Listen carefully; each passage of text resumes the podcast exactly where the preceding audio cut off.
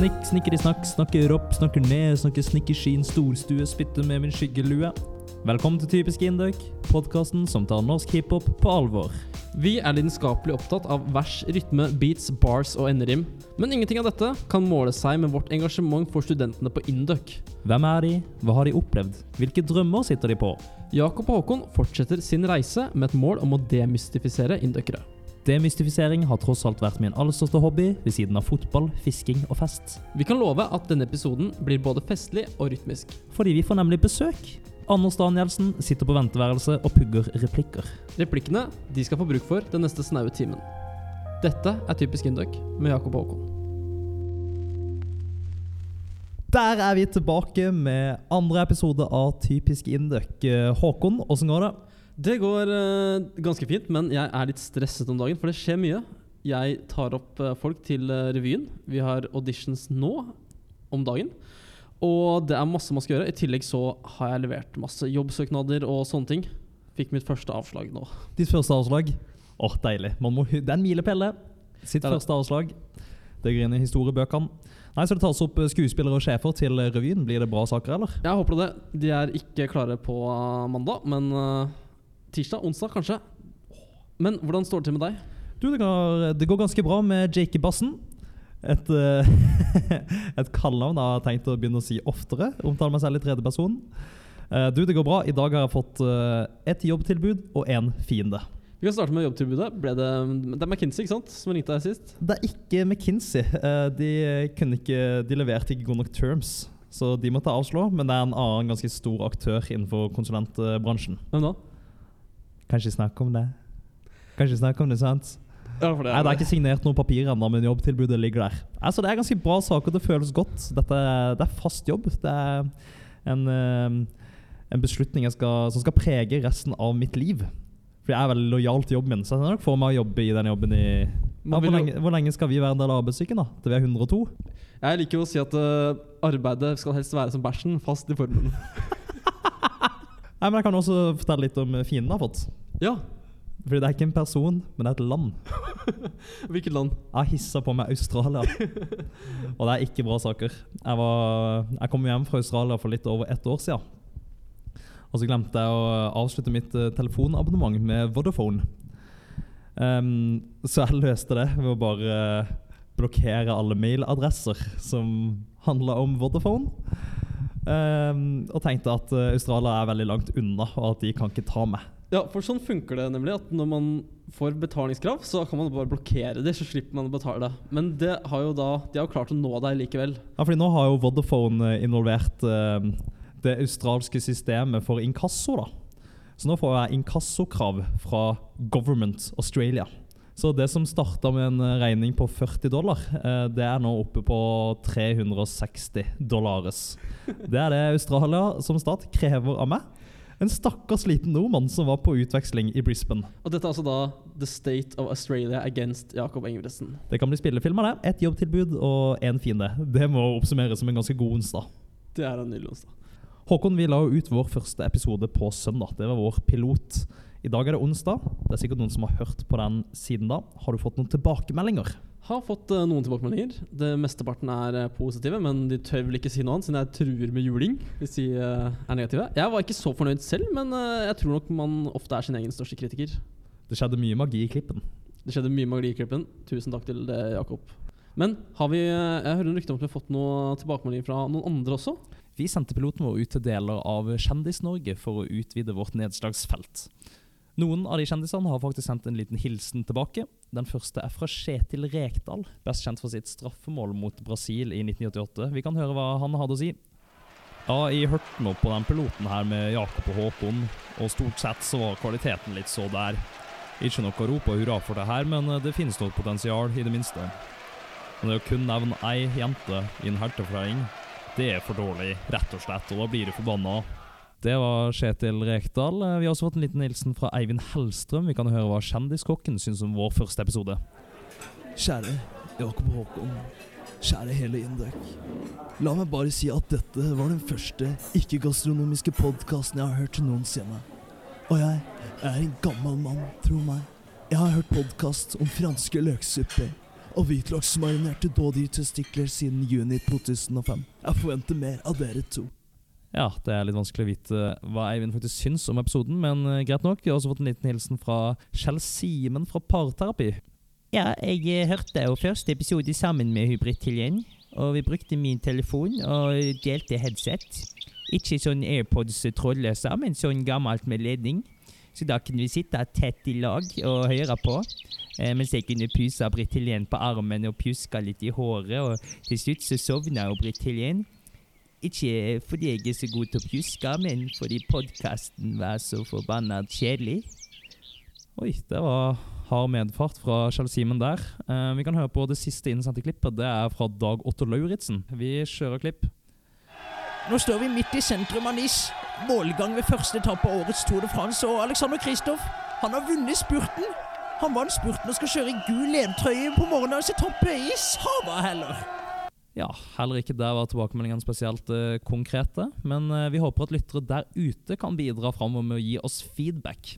Vi kjører beinhardt på Instagram, og vi vil gjerne komme i dialog med hver enkelt av dere. Så ikke vær redd for å stille lytterspørsmål til gjestene våre, eller uh, legge oss i toastjerne om vi fortjener å bli roasta. Alle DMs er gode DMs, som vi liker å si her i Typisk Induk. Håkon, i fjor hadde de jo dette personlighetstestkonseptet som et bærende element gjennom denne podkasten her. Det medførte struktur og rammer og forutsigbarhet. Vi har jo fjerna det, men har vi da en erstatning? Har vi noen spalter som skal gå igjen fra hver episode? Vi har lagd noen. Vi har fire av slaget akkurat nå. Den ene er en sånn introspalte som vi tar i prat mellom oss, som heter Håkons refleksjon. Fordi jeg har lyst til å snakke om det jeg tenker på. Jeg tenker veldig mye. Og når gjesten kommer, så har vi to faste ting vi tenker å gjøre med han. Nei, tre faste ting vi tenker å gjøre med han. Eller hun. Det er da 20 spørsmål. Vi har noen obligatoriske faste. Og deretter har vi noen nye som varierer fra gang til eh, gang. Fordi Lytteren liker det å kunne plassere gjesten vår på kartet. Forstå konteksten rundt den personen vi Det har skal prate lytterne med. sagt til oss. Og I tillegg har vi spørsmål sendt inn fra lytterne. De har vært veldig flinke nå til første episode. Vi håper det fortsetter. Og det gir jo da noen gode historier vi kan snakke om med gjesten vår. Spørsmål og historier fra lytterne her, altså Og til slutt Håkons KIM-hjørne, eller Kim-hjørne, som jeg kaller det. Som ikke er da navnet som er overrepresentert i norske fengsler, men kultur, idrett og musikk. Ting jeg liker da, og interesserer meg for. Håkons kulturhjørne. Ja, men det kan også komme flere spalter. Send gjerne tips hvis dere eh, har en idé til en spalte eller et innslag vi kan kjøre framover. Eh, men Håkon, skal ikke vi rett og slett bare smelle i gang med spalte nummer én? Håkons refleksjon. Ja, fordi i det siste så har jeg lest mye om finans og prøvd å forberede meg til eh, finansjobbene. Og da begynner jeg å bli interessert i hvordan finansverdenen står til i andre steder enn Norge. Og andre steder enn USA, de vi kjenner til. Så hvordan er det egentlig i de arabiske landene? Og en ting jeg har tenkt på, for jeg har jo lest min koran. Og der står det jo bl.a. at renter er ulovlig. Og dette er jo vanskelig å forholde seg til i et finansielt uh, system. Så noe av hvordan de løser det f.eks. i eh, boligbransjen i f.eks. Qatar, er at de, banken kjøper eiendommen din, og så betaler du avdrag til banken. Og dermed har du da fått en halal-måte å, å fikse boliglån på. da. En kreativ løsning for bank og bolig Ja, i og Qatar. jeg har også lurt på da hvordan Fordi det er en annen ting som står i Koranen, er at man skal ikke tjene penger på penger. Penger skal kun være et uh, mål for verdi, og man skal ikke kunne bruke dette til sin egen gevinst. da. Så Derfor lurer jeg også på hvordan de håndterer det med aksjer og obligasjoner og sånne ting. Så hvordan løser de dette? For de har jo børser i alle disse landene. Så det de har gjort, er at de har innført sharia-kompatible aksjer og sharia-kompatible obligasjoner osv. osv. Og jeg har blitt spesielt interessert i disse sharia-kompatible obligasjonene. Nå skal ikke jeg gå i detalj på hvordan de faktisk fungerer, men navnet er flott. Det heter nemlig Sukuk. Velkommen til Sukuk, en Og- halalbørs for de som ikke vil bryte med Koranen. Ja, det er navnet på obligasjonene i flertall. Og i entall heter det SAK. Så SAK, flere Sukuk. Og dette er også SAK er også navnet på Eller der sånn etymologisk ordet sjekk kommer fra. Fordi i gamle dager så var det konseptet sjekken ble introdusert av araberne til Europa. Og da het det sakk, og så ble det etter hvert til sjekk, «sjekk» osv. så så sjekken er rett og slett entall av sukuk. Så hvis jeg beskriver beskrevet én sjekk, skriver jeg flere sukuker. Så dette var sjekken som min betalingssjekk, ikke når jeg sier Håkon, i dag var du veldig sjekk'. Men nå skal vi få inn vår gjest. Men før vi får denne gjesten inn, så tenkte jeg bare skulle ta opp noe fra forrige episode. For vi eh, lurte på hva en basillusk er, og vi sa jo til Havforskningsinstituttet, hvis de hørte på, om de kunne sende oss en mail. Og det har de rett og slett gjort. Havforskningsinstituttet er faste lyttere, og de skriver som følger. Hei, Jakob Håkon. Fantastisk podkast. Men dere skulle snakket mer om hav og det marine liv. Basillusker kommer fra det latinske ordet bacillus, som er navnet på formen til bakterier.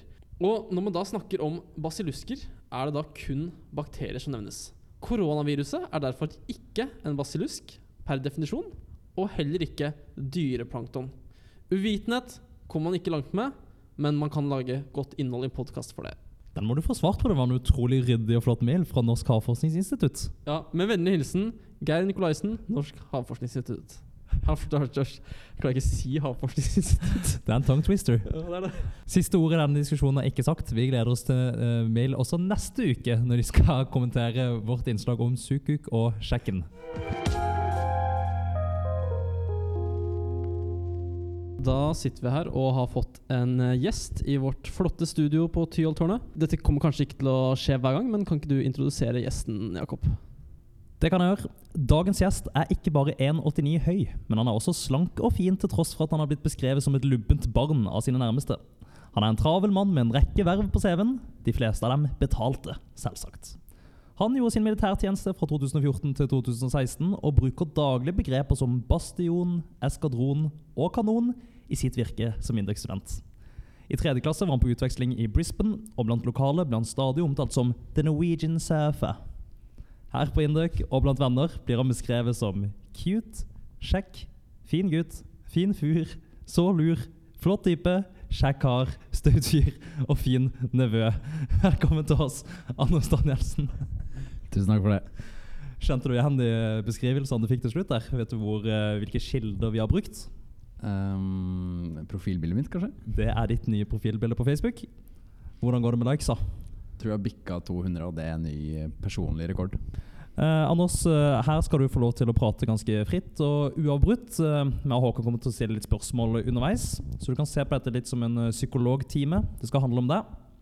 Det er i hvert fall alle tidligere gjester som har vært hos meg og Håkon, har beskrevet det som. da. At det føles veldig godt å komme hit og få snakka ut. Før vi går inn i materien her, så skal vi stille deg noen obligatoriske spørsmål. Dette er en eh, liten spalte. Kall det 20 spørsmål. Kall det Bli kjent. Jeg kommer til å stille deg noen obligatoriske spørsmål. Svar fort på de, og så kommer til Håkon Håkon tar over deretter med litt eh, frie, kreative spørsmål. Er du klar for det?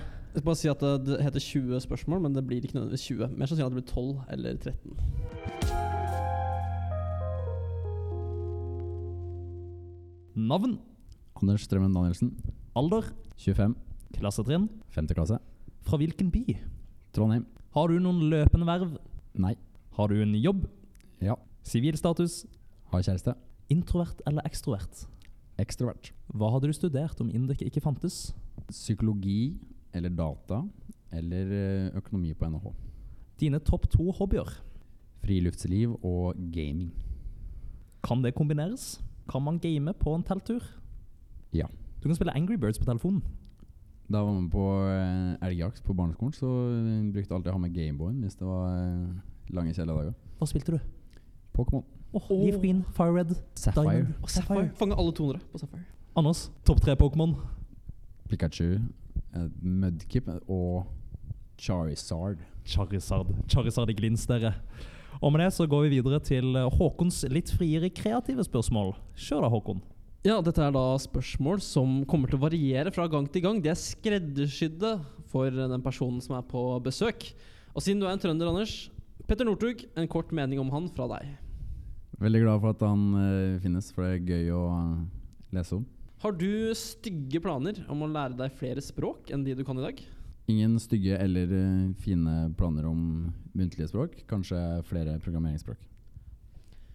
I hvilket land ville du helst uh, giftet deg, gitt at det ikke var noen praktiske problemer ved å gjøre det? Sånn f.eks. at du slipper å fly masse folk dit og stresse med å organisere det. Ja, Det er et uh, godt spørsmål, men da tror jeg jeg ville ha opplevd Madagaskar i samme slengen. Lagt det dit. Fått med alle vennene mine. Fordi du så den filmen? Det er snakk om den, den naturdokumentaren fra 2007 med disse dyrene som begynte sin reise i, I- New York i New og York, havna ja. i Madagaskar til slutt. Ja. da. Den. Den eneste animerte naturdokumentaren der ute. Det var 20 spørsmål. Takk for gode svar.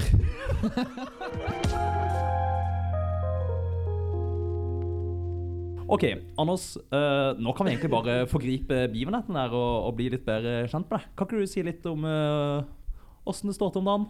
Hva driver du med? Nei, det går, det går bra om dagen. Altså. Jeg trives, må si det. Det går jo i prosjektoppgave. Um, Lite grann. Har hatt- et par møter der. Hvem skriver du med? Jeg skriver med Håkon eh, Grini, min homebro fra eh, barndommen. Du, jeg tipper det finnes noen som er på den- podkasten her som ikke vet hva en prosjektoppgave er. Kan du forklare det?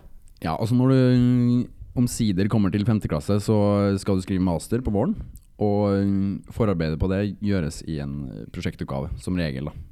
Um, og det er hva er det for noe? 15 studiepoeng. Og én en oppgave med litt progging og snacks. Ok. Ja, Mm. Optimering, eller? Optimering, ja. Så går optimering der.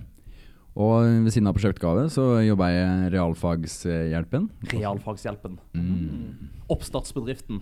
Induc-basert. Trym. Trym. Kan du si hva Realfagshjelpen er, og hva de driver med? Ja, kort fortalt så eh, tilbyr vi privatundervisning én til én med studenter gjerne som lærere, og så selger vi da privatundervisningstimer til videregående elever og privatister som vil ha bedre karakter. Ja, og Hva er din rolle i, i det her? Er du en som underviser én til én, eller? eh? Jeg jobber i, i drifta, så jeg har ansvar for markedsføringa og få inn customers. Ok. Er det du som er CMO? Stemmer det? Jeg må si at uh, vi hadde en Zoom-session her om dagen. Eh, I et eller annet uh, optimeringsfag vi har nå sammen.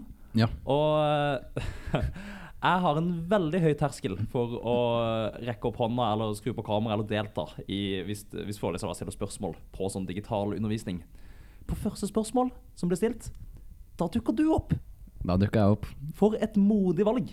Det var jo egentlig for å hjelpe foreleseren litt. Han hadde jo hatt var litt pause før jeg svarte, så da, da svarte jeg på noe jeg ikke hadde greie på i det hele tatt. Det var spørsmål om eh, hvilke av to tekster i en rapport som var best. Og da hadde jeg bare giddet å lese den første, så da svarte jeg den første.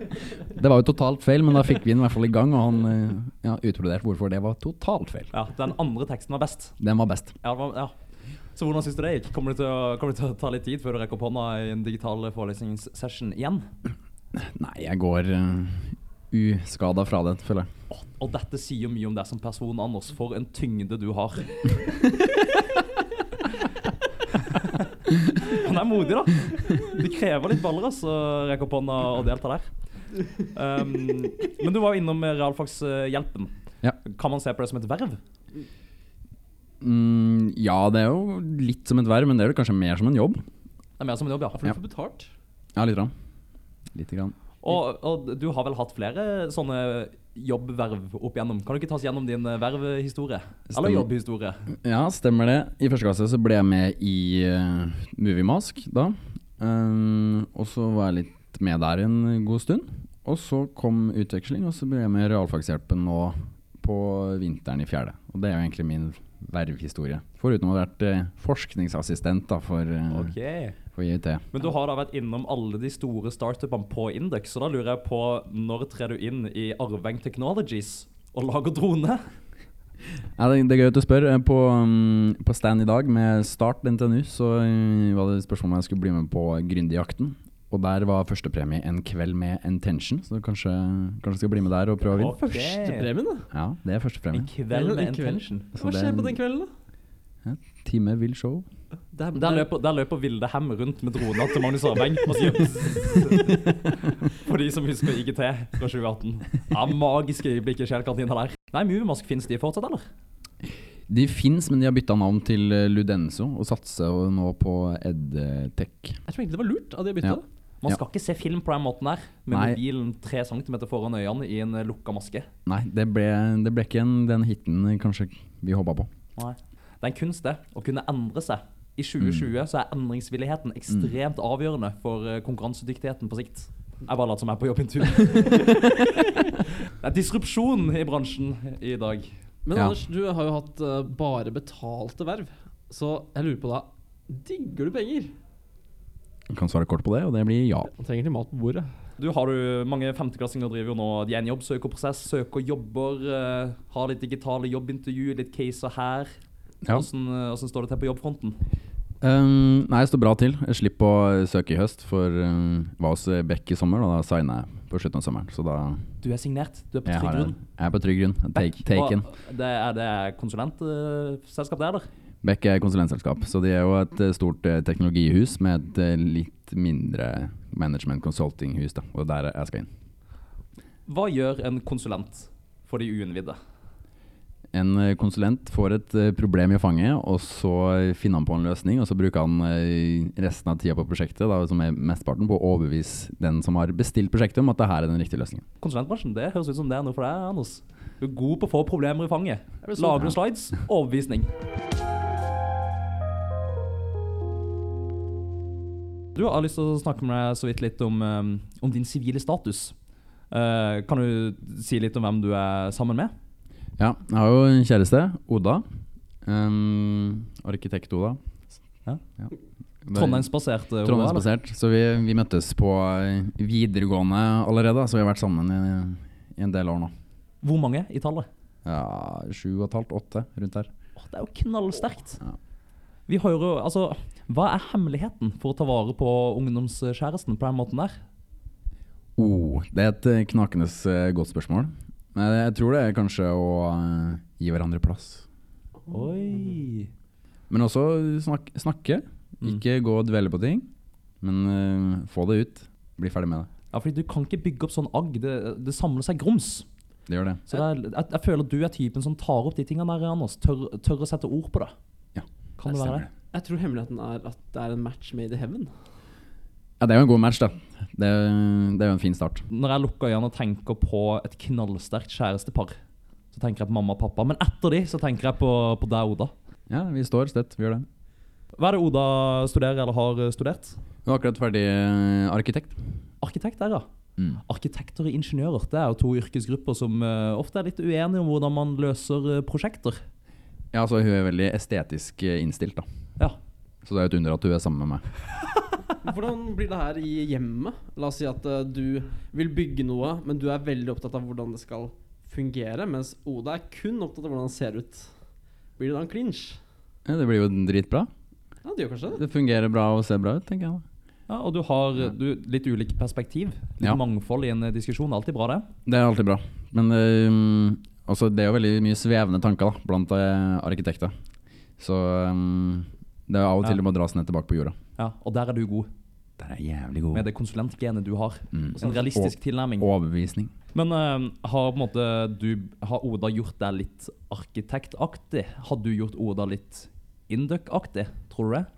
Altså, jeg tror nok min interesse for eh, arkitektur er større enn eh, Oda sin interesse for business, Ja. rett og slett.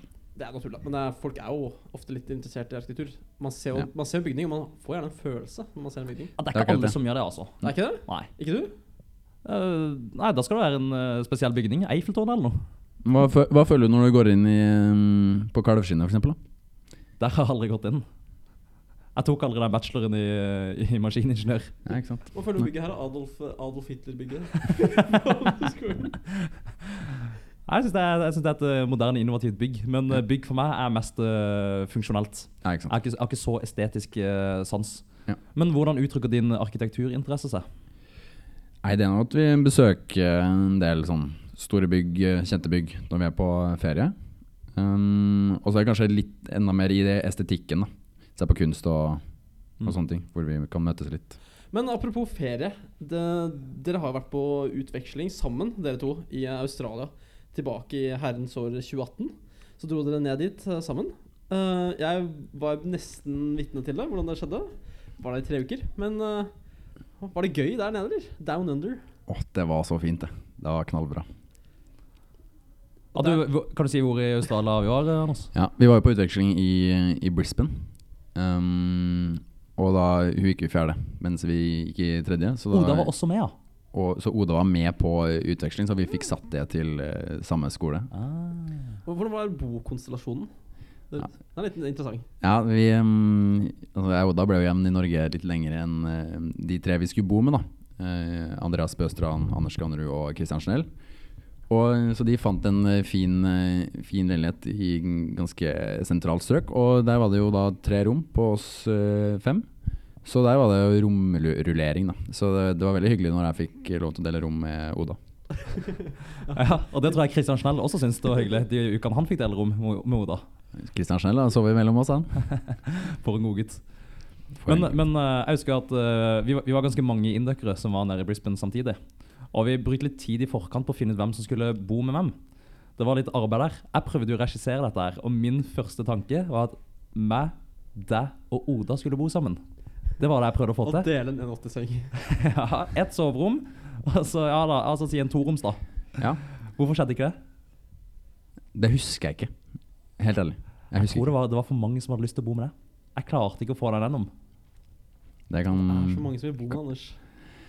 Det er en blessing og en curse. Blessing and a curse. Ja, ja men jeg, jeg, Noe av grunnen til at mange vil bo med deg, er at du er god til å lage mat. Ja, det det er dine ord. Ja, Men hva, hva er ditt forhold til mat? Jeg er veldig glad i mat. Men, eh, og lager gjerne. Jeg har en far som bruker mesteparten av året på å samle, samle digg mat. Samle digg mat. I et skap? I et skap. Han har tre frysere fullt av laks og vilt og sånne ting. Så jeg er litt bortskjemt på matfronten. Hvor får han det fra? Ja, han fisker og jakter. Han fisker og jakter. Ja. ja Så han drar ikke til Sverige? Nei, nei, det er Er du gæren? Men hva snakker vi om? Rype, hjort, eh, elg, det som er? Det som er Det som er alt sammen. Anders, ser du på deg selv som en del av sivilbefolkningen?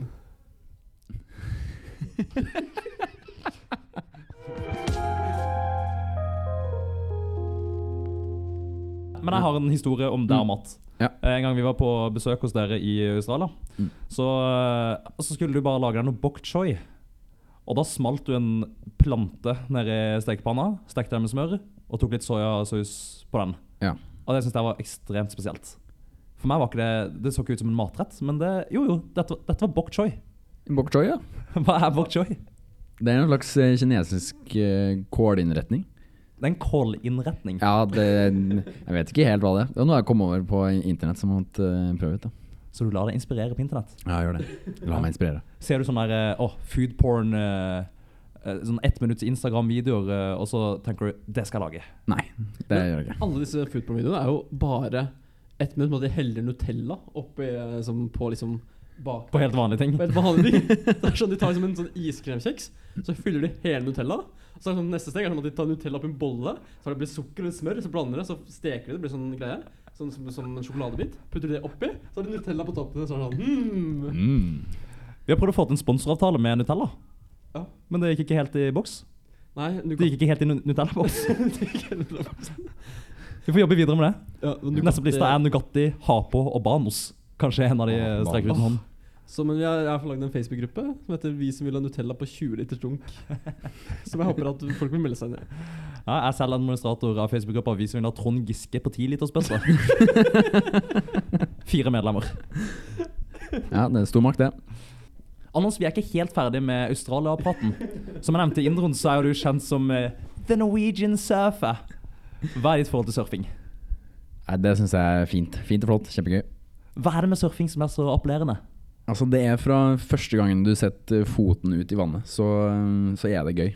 Sjøl når du ikke får tatt av en eneste bølge, så, så er det glede. Gøy å plaske i vannet, og så etter hvert som du får til litt og litt, så, så er det en slags mestring der, da. Men mange prøver surfing én og to ganger. Syns det er ubehagelig, uh, får det ikke til, og så prøver de ikke igjen. Nei. Men du, eh, du holdt på, og du ble jo ganske god. Av vi nordmennene som var der nede, så var du den som skilte deg ut i, eh, i lineupen. Ja. Hvordan Hvordan skjedde det? Altså, jeg hadde jo surfa en del, um, eller litt før vi dro dit. Men jeg tror det bare at jeg ikke klarer å gi meg når jeg først har begynt. Så den første timen når alle surfer, så surfer alle sammen, og så går folk i land. Men da blir det helst et par timer til for å trykke på. Akkurat som Martin Ødegaard og fotball. Jeg tenkte også Martin Ødegaard! Du er surfingens Martin Ødegaard. Å, hvis bare Real Madrid hadde hatt et surfelag. Bare om. En om. Kanskje en gang i framtida. Nei, men mm. uh, uh, du kjøpte deg også ganske små brett, husker jeg. Ja, eh, kjøpt eh, Det ble ganske lite, det siste jeg kjøpte. Ja, for Det er liksom måten å vurdere hvor god man er i surfing, er ikke det? Størrelsen på brettet. Ja, størrelsen på brettet du eier, da. Så eh, ut Ja. fra det brettet så er jeg jævlig god. Fikk du det med deg hjem, eller? Jeg har det med hjem, men jeg har jo fader ikke fått brukt det. For jeg, Men kan man få, er, det, er ditt brett det minste, eller kan man få mindre enn det? da? kanskje man kan få mindre, jeg er ikke helt sikker. Ja, fordi Størrelsen på dette brettet, kan det ligne på et skateboard, eller hvilken Ja, det er på størrelse størrelse er det snakk om? Ja, på longboard-størrelsen. Longboard-størrelsen. Nei, det er en eh, 511, da. Brettet. Jeg tenker, Kommer du til å kjøpe hver gang du kjøper nytt brett, kommer du til å kjøpe mindre og mindre og mindre og mindre hver gang? Nei, men det blir nok mindre i volum etter hvert. da. Så det, Ah, ja, ja. det er ganske mye til et uh, surfbrett. Anders, har du noen svake punkt? Um, nesa er også mitt uh, svake punkt. Den, blir, uh, den kan bli helt flat. Den er helt myk. Det må vi snakke litt om. Kan du demonstrere for oss nå, Ja. og så kan vi snakke litt om hva vi ser? Ja, ok. Ja. Det Anders gjør nå, han demonstrerer at han ikke har bein i nesa. Den nesa kan altså trykkes innover. Du ser litt ut som Du minner litt om Magnus Wolff Eikrem, for de som uh, følger norsk eh, fotball. Det er jo, men uh, hvor, er det en diagnose, dette her? Har du brukket nesa? Har du operert ut nesebeinet? Nei, den, den bare er sånn. Gumminese. Ja, Men har ikke du sånne For jeg husker at når du gikk i limbo Mm. på, til første klasse, så var du helt vanvittig god til å være 1,95 på strømplesten. Ja, har veldig myk eh, kropp.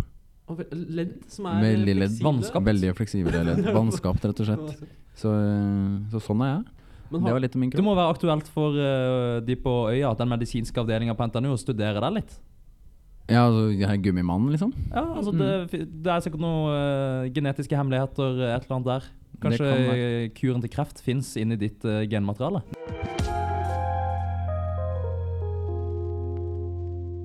Anders, vi må snakke litt om Induc.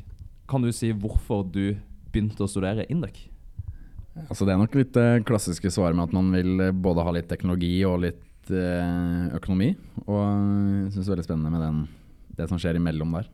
Men eh, hvordan fant du ut av at Induc fantes? Hadde du noen uh, venner eller familie som hadde studert det tidligere, eller uh, googla du deg fram til at dette var passende for deg? Det var på eh, ungdomsskolen. Da var det eh, NTNU på besøk, og så var det en, eh, det var en presentasjon og en stand. Skal ikke mer til? Skal ikke mer til. jeg har aldri hørt om at det er på ungdomsskolen før.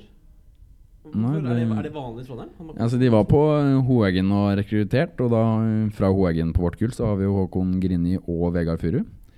Så det høster frukter, denne, denne Ja, her? tydeligvis. Men det var litt om ditt valg for å begynne å studere Induc. Eh, men har Induc eh, vært som du forventa?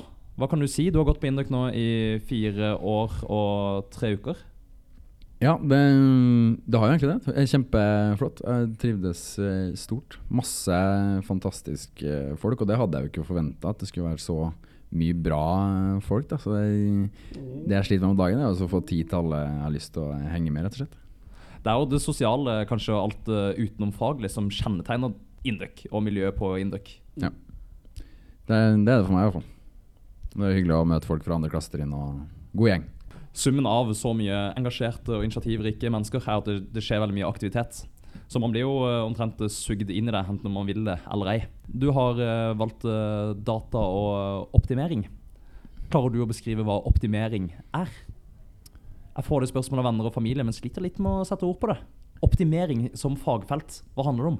Altså, det handler om å bruke um, de mattekunnskapene og liksom det språket du har lært der, til å definere et problem hvor du prøver å finne ut av den best mulige løsningen. Og det kan være at du skal sende ting over forskjellige plasser, eller du skal gjøre en viss grad av forskjellige ting. Og beskriv det problemet med matematisk språk, og så løs det med programvare. Men det var litt om eh, Induc akkurat nå. Hvis vi også ser litt frem i tid, Anders, hvor er du om ti år? Hvilke drømmer har du? Ja, om ti år, forhåpentligvis sammen med Oda fortsatt. Kanskje vi har noen barn og eh, leilighet og sånn. Hvor mange Noen barn eh, ser du for deg? Er dere enige? Ja, to til fire, tenker jeg. det var et veldig Det er ganske vidt spenn. Hva skal de hete? Per, Pål og Espen. Perisic, Polisic og Espen Askeladic. Den, eh, en livsfarlig trio eh, på det kroatiske landslag. Men hvilken eh, ser du for deg, og, og Er du karrierebevisst? For eksempel, ønsker du å bli leder? Skal du jobbe mye? Eller eh, har du et litt avslappa forhold til eh, jobb og karriere? Nei, altså, jeg har lyst til å jobbe mye og få til ting. Det er jo det som jeg syns er gøy når jeg jobber. Så jeg tror nok kanskje det blir en slags eh, lederstilling en eller annen plass. Jeg, tror ikke, jeg vet ikke om jeg har så lyst til å være liksom konsernsjef eller eh, noe sånt, men heller litt sånn prosjektbasert eh, forretningsutvikling, den eh, retninga der. Mm. Så går veien litt mens man, eh, mens man går òg. Den gjør det. Man, eh, jeg tror ikke Jeg tror det er mye tilfeldigheter som spiller inn da, i hvor man ender opp. Hadde du spurt meg for fem år siden, så hadde jeg nok hatt et mye klarere svar enn det jeg klarer å si i dag. Altså. Ja, fordi da, da skulle du bli korpsleder og Da Nei, da, da var det vel også starte egen bedrift og den øh, retningen der, da. Ja, fordi du har et gründergen i deg. Ja, jeg er jo interessert i det, da. Jeg hadde jo, gikk jo um, en sånn gründerlinje på videregående sammen med Håkon Grini. Ja, hva det lagde igjen da? Vi lagde Norgeshåndkle UB. Stemmer det? Et aksjeselskap, eller? Et UB-selskap, ja. Um, ungdomsbedrift. Så da um, Så folk drev jo og laga skulle revolusjonere og være neste Steve Jobs og sånn, og vi fant vel egentlig ut at vi skulle tjene penger. Eh, på å selge håndklær fordi det er banalt. Og når var sist gang du gikk inn for å kjøpe deg nye håndklær? Jeg tror aldri jeg har kjøpt et håndkle. Jeg får dem ofte til julegave. Ja, ikke sant? Så det er et marked som er, vi så som modent for aktivt salg. da. Så da designa vi Norgeshåndkle, som er et hvitt eh, håndkle som er 150 ganger 50 Hvitt er en sårbar farge, da. Jo, men med sølvbrodert uh, selburose på. I en eh, broderingslinje. Men, men realiserte det seg? Ble det produksjon og salg? Vi solgte vel eh, mellom 8000 og 9000 håndklær. Er det sant? Det er helt sant. Penger? Og 9000 håndklær? Mm. Jeg synes det er gøy at eh, etter mange tusen år hvor mennesker har brukt forskjellige tøystykker som tørking, var endelig nå håndklemarkedet modent for aktivt salg.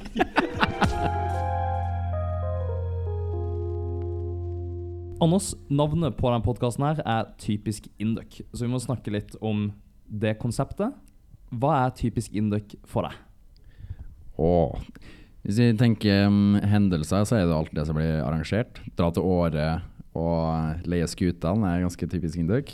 Folkene er intelligent, oppegående veldig sosial. Får i gang en hel uh, masse ting. Og et vibrerende miljø, vil jeg si. Åh, et vibrating social environment. Vibrating Det skjer social mye på environment. Det er typisk. Induc å, å, å skape ting og, og Ha engasjement, rett og slett. Ja. Mm.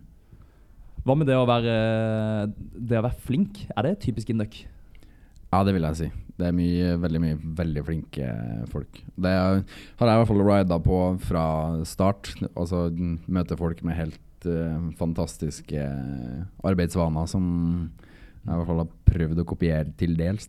Mm. Um, så det er lett å være på salen når det alltid er noen der, tenker jeg. Jeg hadde, hadde ikke gidda vært der to timer engang hvis jeg var alene. Anders, vi la ut på Instagram at vi skulle få besøk av deg, og vi etterspurte lytterspørsmål og gode historier.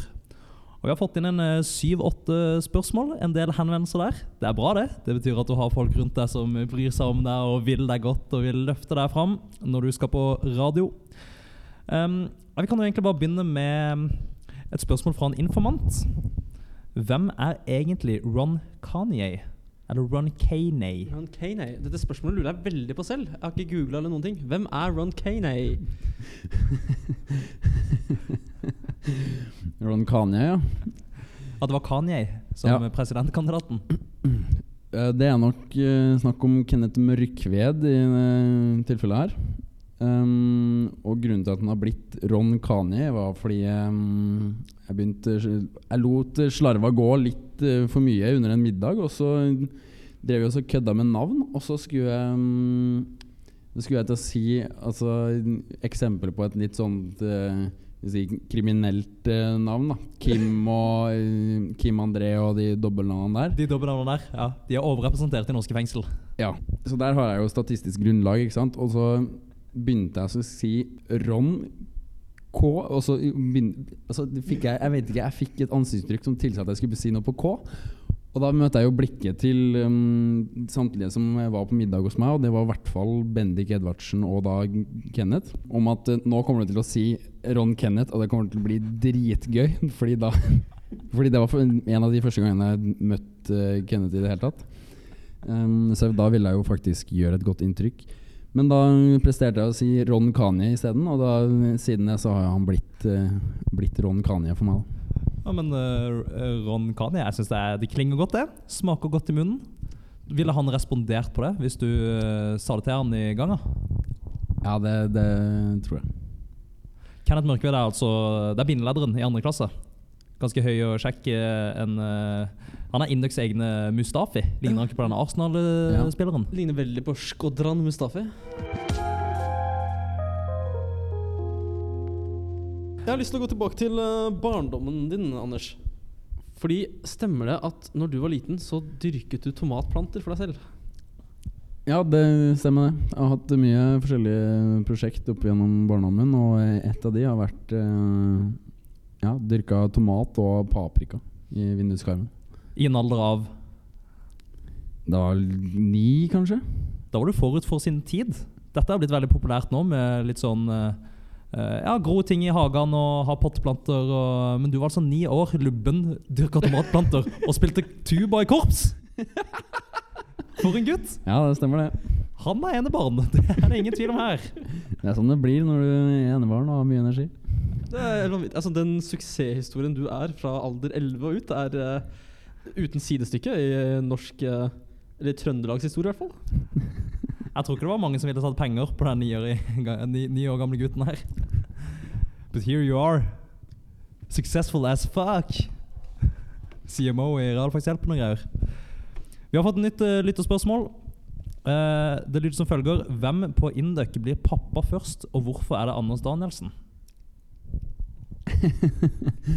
Um, nei, det blir nok uh, Håkon Andreas Hyttedalen, vil jeg tro. Nygift Håkon Andreas. Nygift eh, Håkon Andreas. Godt inn i hvetebrødsdagene der. Rekker han å bli far før han forlater sjelhuset? Ja Det skal gå. Det, han det går kan gå. Det kan gå. Han har, han har tida veien nå. Hvis han virkelig går inn for det, så kan han rekke det. Denne går ut til Håkon og Hanne. Her er det bare å Det, er- det er en challenge. Send den videre til tre venner. Tagg tre venner. Det er kanskje mye på en hånd i munnen. Uh, nei, men Har du særlig ikke noen planer om å bli far med det første? Det blir Nei. jo implisert uh, i måten spørsmålet er stilt, at du uh, kunne likt å bli far allerede. Ja, det, jeg hørte at det ble implisert, og så valgte jeg å drite i det. Men jeg, For jeg har ingen planer om det. Jeg har egentlig ikke lyst til å bli gammel. Og da har jeg ikke lyst til å ha så mye barn helt ennå heller. Fordi det er nemlig neste spørsmål. Hva er din største frykt? Det å bli gammel. Hva er du så redd for med å bli gammel? Ja, da er det jo begynner nærmere at du skal dø, da. Så det er døden, da. Så Ja. er frykten er å dø. Ja, det, det er nok det jeg har minst lyst til. Jeg leste nylig om en, eh, en fyr på Gløshaugen som studerer informatikk, som uh, har en livsforsikring på tre millioner. En sum som skal uh, betale det det koster å bli fryst ned, ned av et amerikansk selskap, som gjør at han kan våkne opp om 1000 år.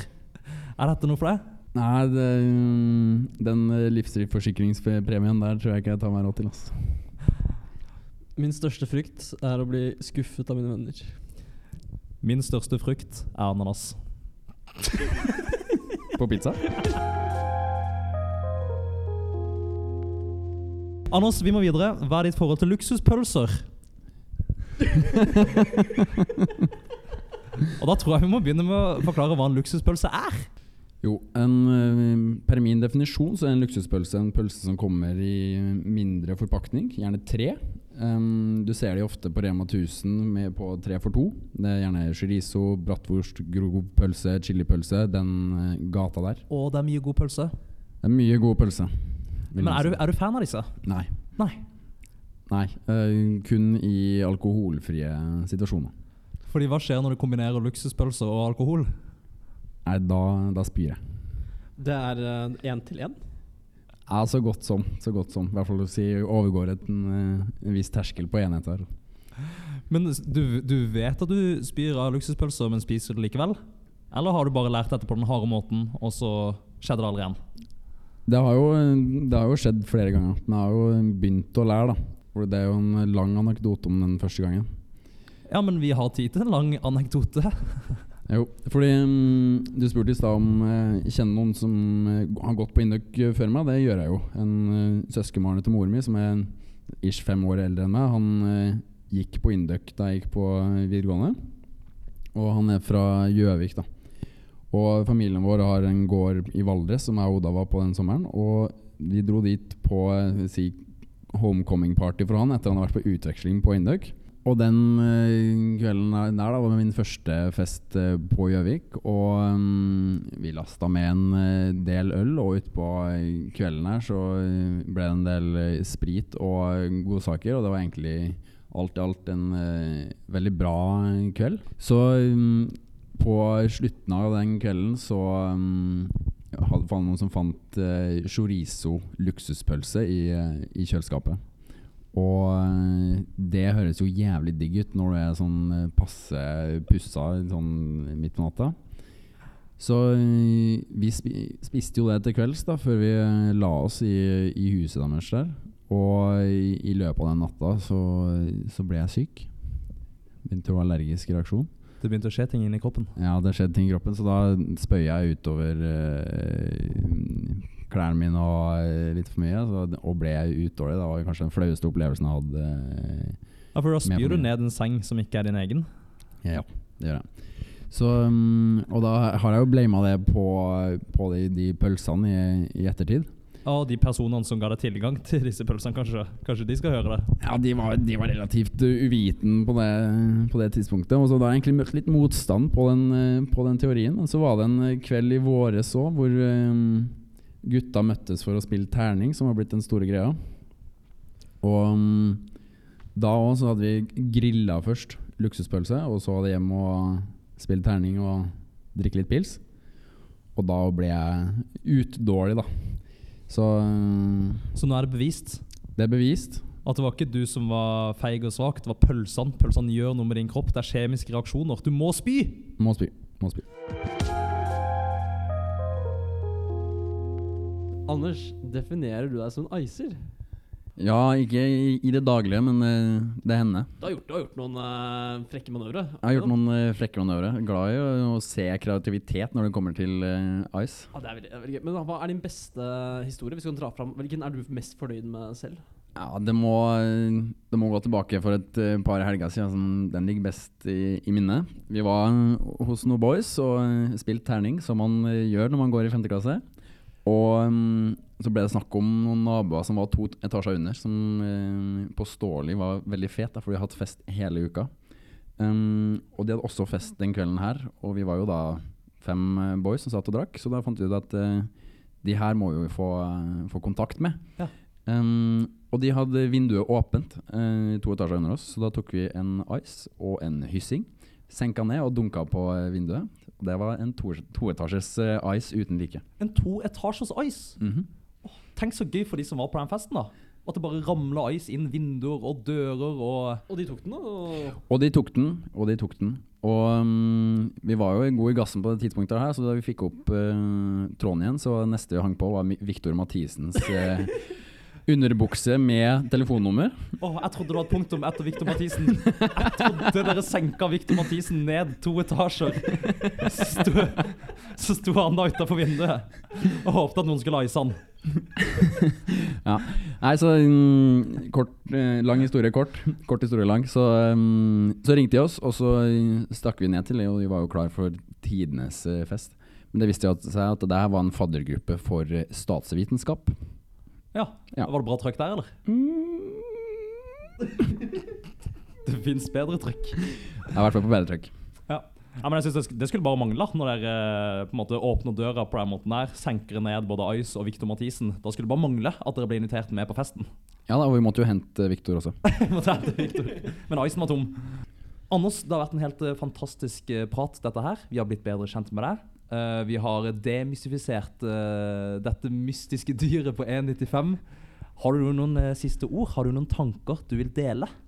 Ja, nei, Først og fremst vil jeg bare takke for at dere ville ha meg her. Jeg håper det har vært noenlunde interessant å høre på. Og så vil jeg si noen ord til de som har begynt i høst. Fordi dere har fem knakende gode år foran dere. Og selv om ting virker litt eh, stress nå, så skjer det mye magi i eh, eksamensperioden. Det er mange timer fra nå til eh, eksamen. Så vil jeg oppfordre til å finne på mye ting og invitere folk du har snakka med bare få ganger for å stifte nye bekjentskaper og finne på ting som ikke bare er vors. Inviter til eh, volleyball, squash og prøve en haug med nye ting. Fordi i studietida så har du mulighet til å prøve ting for første gang, og det er også første gang for veldig mange andre, så det gjør ikke noe om du ikke er flink. Et helt nydelig budskap. Førsteklasse, de må være proaktive. De må danne grunnlaget for et klassemiljø som de skal ha i årevis fremover. Og det er bare å komme i gang nå. Tusen hjertelig takk for at du eh, stilte opp på podkasten hos Anders. Nå skal du eh, reise hjemover. Gi han en stor applaus! Anders Danielsen!